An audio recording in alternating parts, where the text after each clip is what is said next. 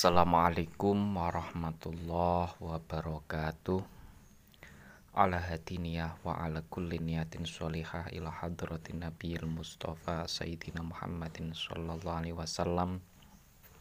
Wa ila hadrati abaihi wa ummahatihi wa dzurriyyatihi wa ikhwanihi minan nabiyyin wal mursalin wa alihi syuhada wa sholihin wal awliya aina makanu min masyarikil ardi la magharibiya barriha wa bahriha wa biladi wa jibaliha wa hudatiha عبد القادر الجيلاني وشبد الحسن الشاذلي وشبد زكريا النووي وشبد محمد الخاصم وشبد البشعراني شاشرفي تطلقني شاتيش الأولياء صاحب الجوير رضي الله عنهم عاد الله علينا من بركة أبائنا وأمهاتنا وأجدادنا وجداتنا وخلنا وخالاتنا وعمامنا وعماتنا ومشايخنا التي تعلمنا وعلمناها خصوصا إلى حضرتي المحلي وإلى حضرة جميل مشايخنا بالله خضر عليه السلام شيخنا خليل بانكلان شاشي مشاري Syurkan Syekh Marzuki Talan Syekh Mursali Syekh Marzuki wa ilhad Allah ya minhum al amat min umat sayyidina Muhammadin sallallahu alaihi wasallam. Al-fatihah A'udzu billahi minasyaitonir rajim Bismillahirrahmanirrahim. Alhamdulillahi rabbil alamin. Arrahmanir rahim. Maliki yaumiddin. Iyyaka na'budu wa iyyaka nasta'in. Ihdinas siratal mustaqim. Siratal ladzina an'amta 'alaihim ghairil maghdubi 'alaihim waladdallin. Amin. Baik teman-teman kita bersyukur masih diberikan umur panjang sehingga kita masih bisa belajar bersama. Dalam kesempatan kali ini kita akan belajar bersama kitab Warokot ya. Kitab yang menjelaskan tentang ilmu usulul fik dasar-dasar fikih konsep-konsep teori dalam fi fikih ya. Semoga apa yang kita pelajari nanti bisa bermanfaat dimudahkan dalam memahaminya, diberikan pemahaman sebaik-baiknya.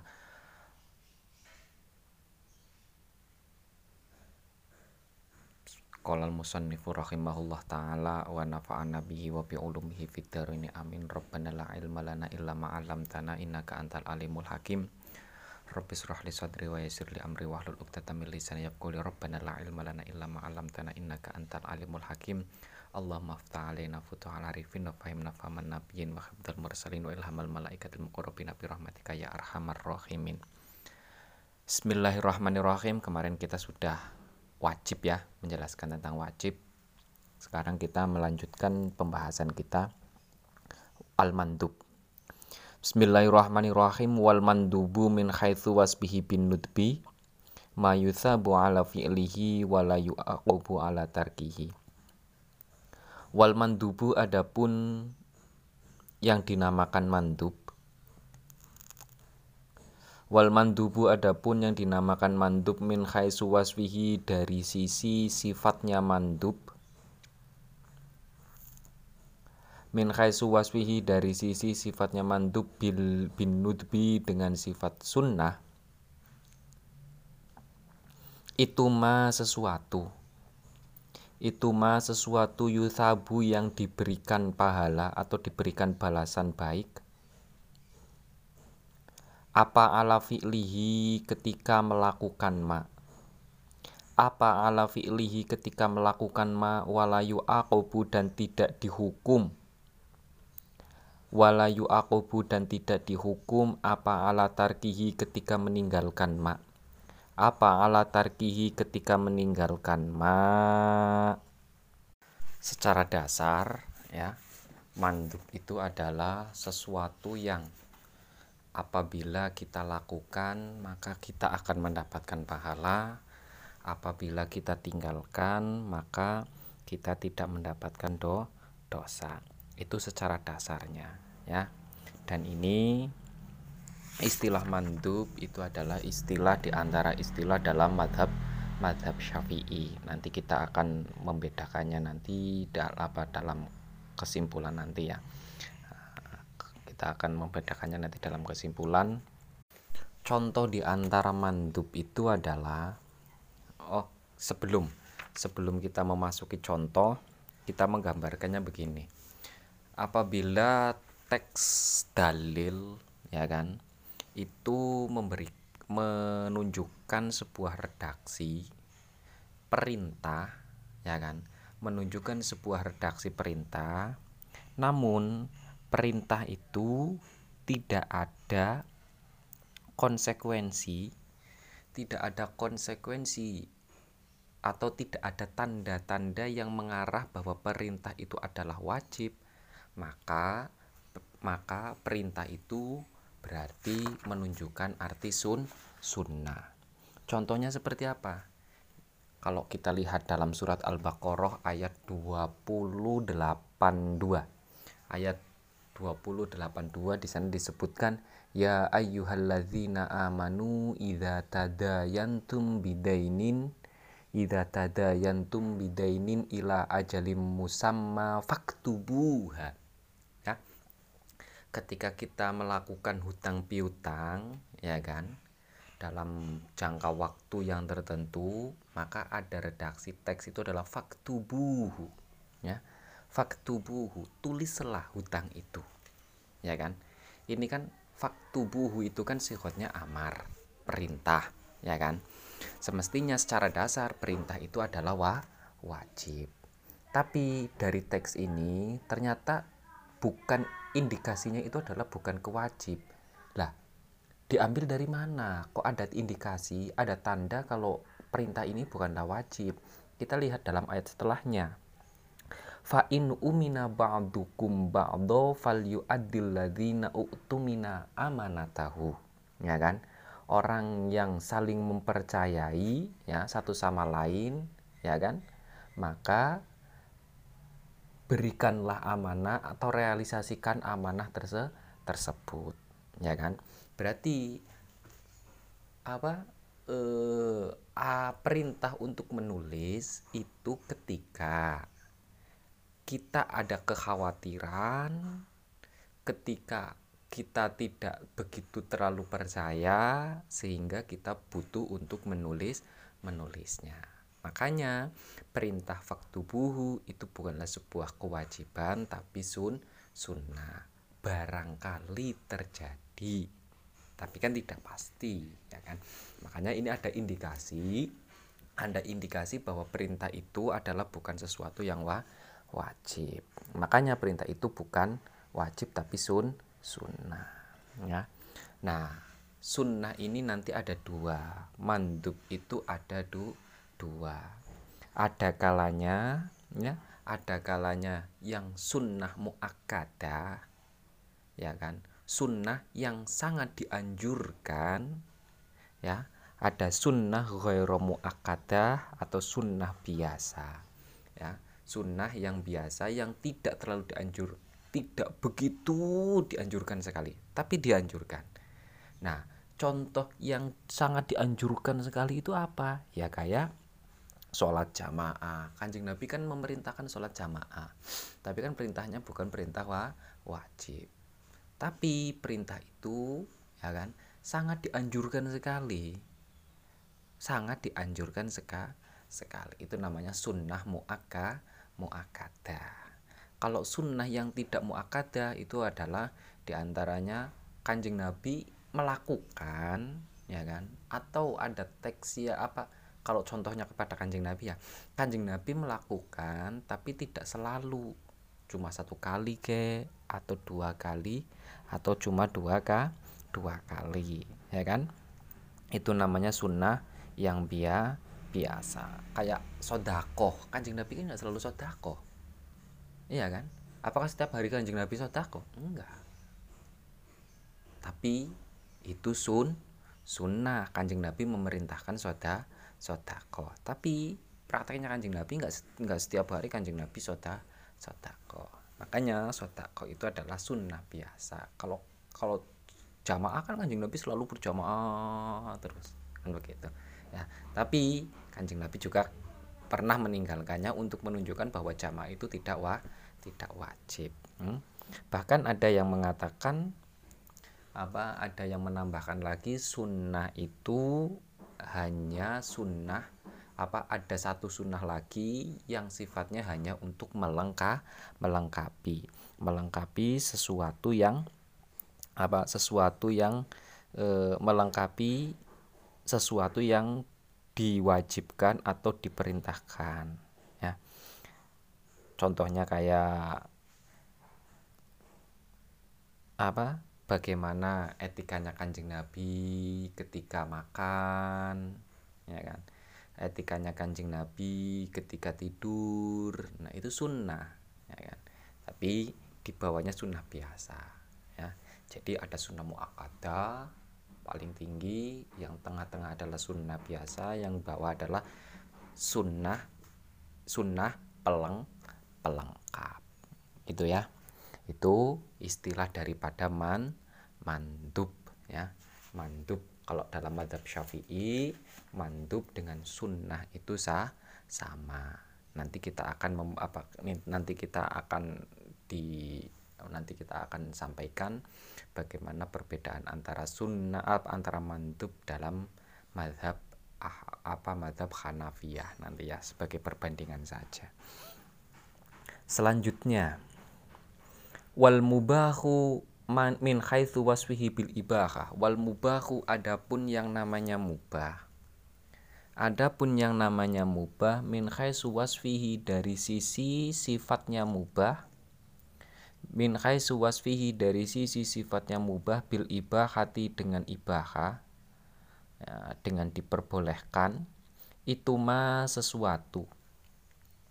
Itu mah sesuatu la yuthabu yang tidak diberi pahala? La yuthabu yang tidak diberi pahala apa fi'luhu ketika melakukan ma? Apa ala fi'luhu ketika melakukan ma? Watarkuhu apa apa ala fi'luhu? Watarkihi oh berarti watarkuhu watarkuhu dan meninggalkan ma dan meninggalkan ma malayu akobu dan tidak disiksa? Dan tidak disiksa apa ala tarkihi ketika meninggalkan ma? Ketika meninggalkan ma wafi'lihi dan melakukan ma. Aima yakni sesuatu atau hukum la yata'allaku yang tidak memiliki hubungan la yata'allaku yang tidak memiliki hubungan bikul fi'lihi pada setiap melakukan ma pada setiap melakukan ma watarkihi dan meninggalkan ma apa thawabun pahala wala ikobun dan dan siksa. Kalau mubah itu ya ngelakuin atau nggak ngelakuin ya sama aja gitu ya. Ngelakuin dan nggak ngelakuin itu sama sah saja. Nggak ada konsekuensi hukum apakah ini mendapatkan pahala apakah ini ti tidak. Ya itu gampang kita cerna lah. Wal mahdzuru adapun yang namanya mahdzur min khaisu wasfihi dari sisi sifatnya mahdzur bil hadri bil hadri bil hadri dengan haram ai hurmati yakni haram itu ma sesuatu. Yusabu yang diberi ke, yang yusabu yang diberi pahala yusabu yang diberi pahala apa ala tarkihi ketika meninggalkan ma? Apa ala tarkihi ketika meninggalkan ma imtithalan dengan niat mengikuti perintah imtithalan dengan niat mengikuti perintah walayu akobu dan tidak di wayu akobu. Wayu akobu dan disiksa wayu akobu dan diksis, disiksa ala fi'lihi ketika melakukan ma. Apa ala fi'lihi ketika melakukan ma? Nah mahdzur atau istilah lainnya adalah har haram ya mahzur atau haram itu sama dalam mazhab syafi'i. Kalau mahzur atau haram adalah sesuatu ya sesuatu yang apabila kita lakukan kita kerjakan konsekuensinya akan mendapatkan siksa ya kalau kita tinggalkan konsekuensinya akan mendapatkan pahala. Dengan catatan ketika kita meninggalkannya ada niat untuk mengikuti perintah yang apa ketetapan yang telah diperintahkan oleh Allah. Itu ya. Itu. Makanya ya ketika meninggalkan sesuatu yang diharamkan itu harus kita harus ada niat untuk mengikuti perintahnya Allah ya kalau nggak ada niat ya sama saja nggak dapat apa-apa. Kalau pengen mendapat pahala ya berarti meninggal apa niat untuk mengikuti perintahnya Allah. Kita tidak tidak minum sesuatu yang memabukkan umpamanya.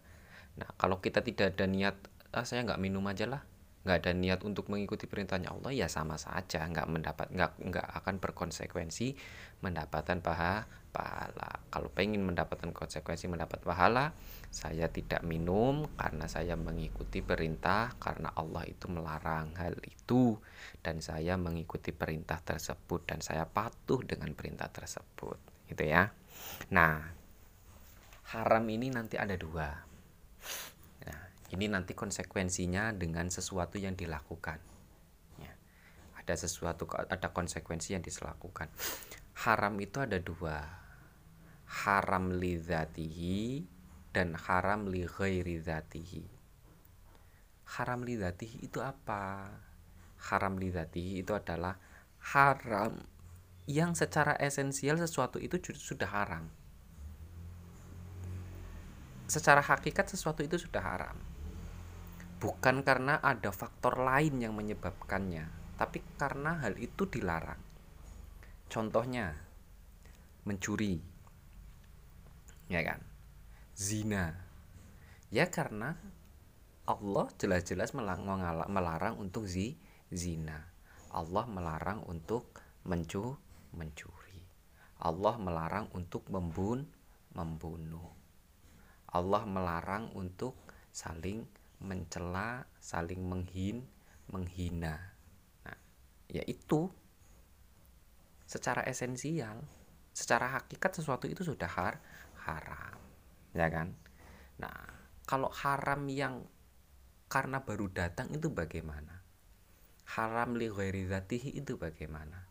Haram li ghairi itu adalah karena ada faktor. Sesuatu itu aslinya boleh. Bahkan bisa sunnah bahkan bisa wajib. Tapi karena dilakukan dengan cara-cara yang tidak diperbolehkan maka menjadi har haram. Saya contohkan begini. Sholat. Sholat lima waktu itu hukumnya wa wajib. Ya kan? Tapi menggosok menggunakan barang orang lain tanpa seizin pemiliknya itu hukumnya har haram. Ya kan? Dilar dilarang. Nah sholat dengan menggunakan pakaian yang digosok itu namanya haram li ghairi zati zatihi. Sholatnya haram tapi statusnya tetap wa wajib Berarti bagaimana orang yang sholat menggunakan pakaian menggunakan pakaian yang hasil khosoban? Nah, sholatnya tetap wajib dan kalau dia menjalankannya dia mendapatkan pahala, kalau dia tidak menjalankannya dia mendapatkan do dosa. Tapi karena sholatnya menggunakan barang yang haram, maka di samping dia mendapatkan pahala kewajiban menjalankan sholat, dia mendapatkan dosa karena melakukan sesuatu kehara keharaman. Gitu ya. Jadi itu namanya haram li ghairi zati zatihi ya. Itu namanya haram li ghairi zatihi haram karena ada faktor baru faktor yang baru da, datang. Ada faktor eksternal ya.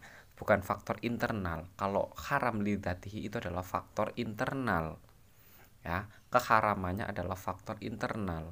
Tapi kalau haram li tatihi faktornya adalah ekster eksternal. Ada sesuatu dari luar yang menyebabkan sesuatu tersebut itu tidak diperboleh tidak diperbolehkan.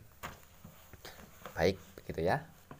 Secara dasar begitu. Yang penting secara dasar kita paham dulu. Untuk sebelum meminjak pada pembahasan selanjutnya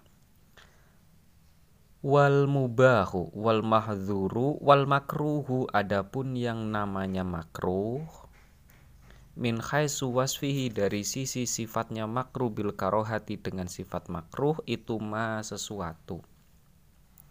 Itu ma sesuatu yuthabu yang men, yang mendapatkan pahala.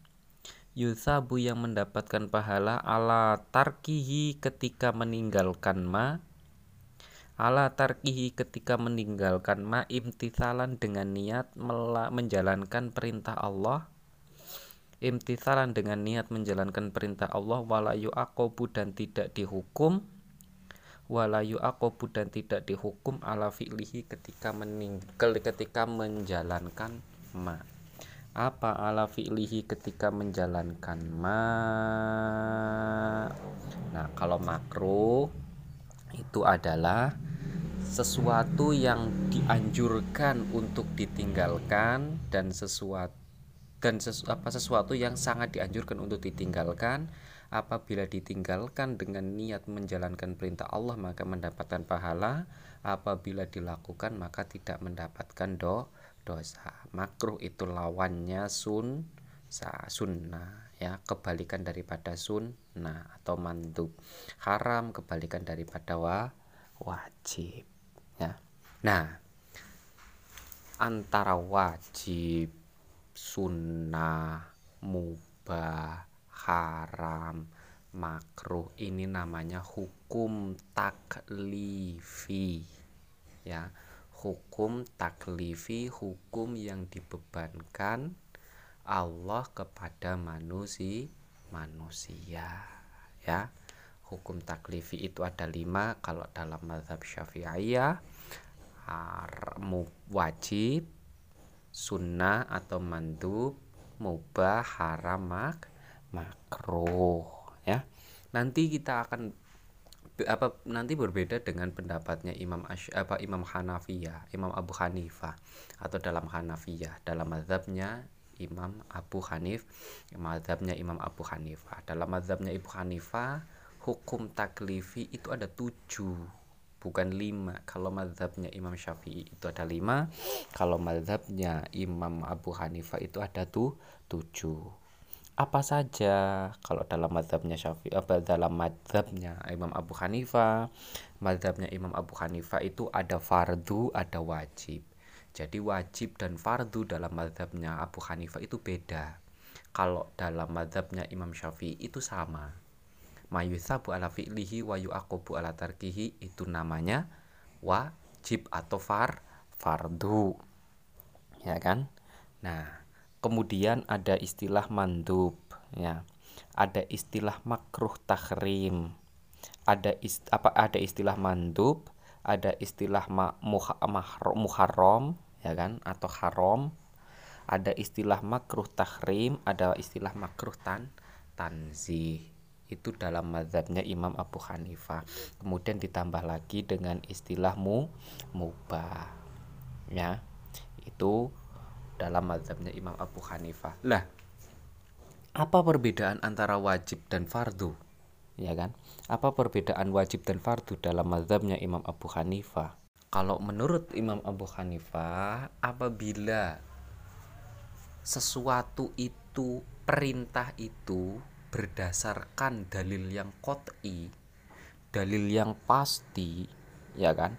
Dalil yang pasti baik dari Al-Quran maupun hadis yang mutawatir ya kan? Itu namanya far fardu contohnya fardu apa? Sholat lima wa sholat lima waktu.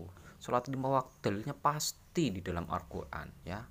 Kutiba ali apa? Sholat lima waktu waki musol waqimus sholat ya kan? Jelas. Ada tan tendensi dalilnya itu jel jelas. Dan koti pasti itu baru namanya far fardu.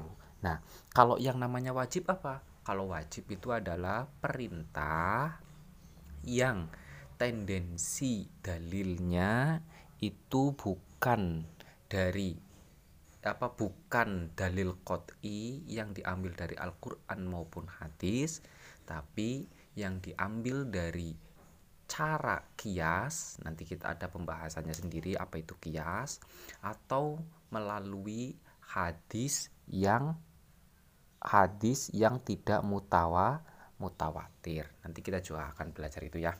Hadis mutawatir itu bagaimana, hadis ahad itu bagaimana ya.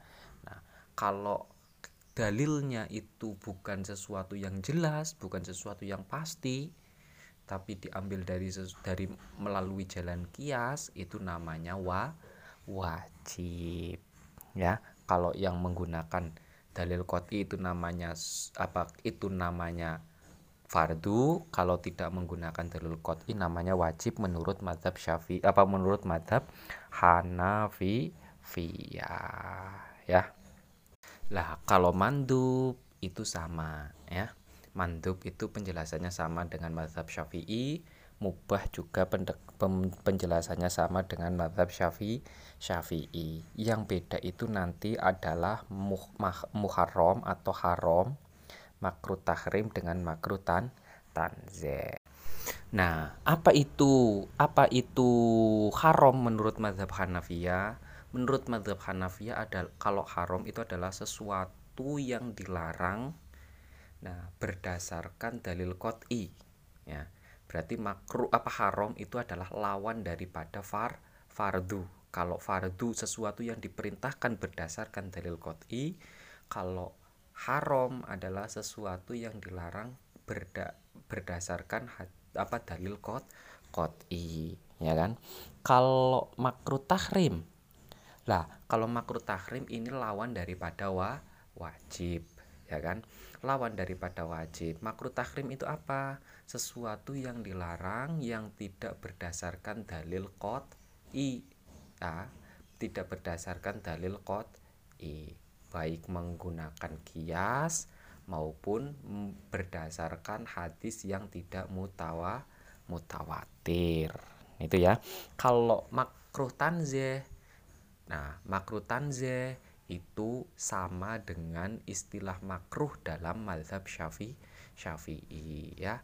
Malayu akobu ala tarkihi ya kan?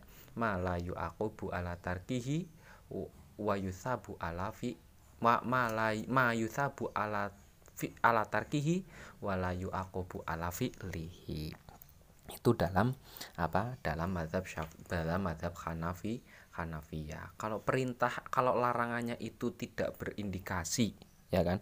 Atau tidak berdasarkan sesuatu yang pasti ya kan?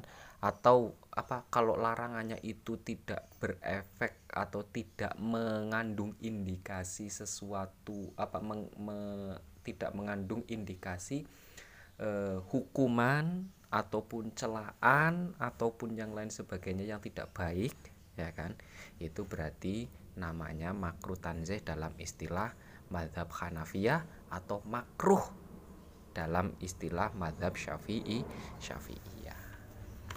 Ya itu namanya kita sudah belajar tentang hukum taklifi wajib sunnah mubah haram mak makruh. Nanti kita akan lanjutkan pada pertemuan selanjutnya.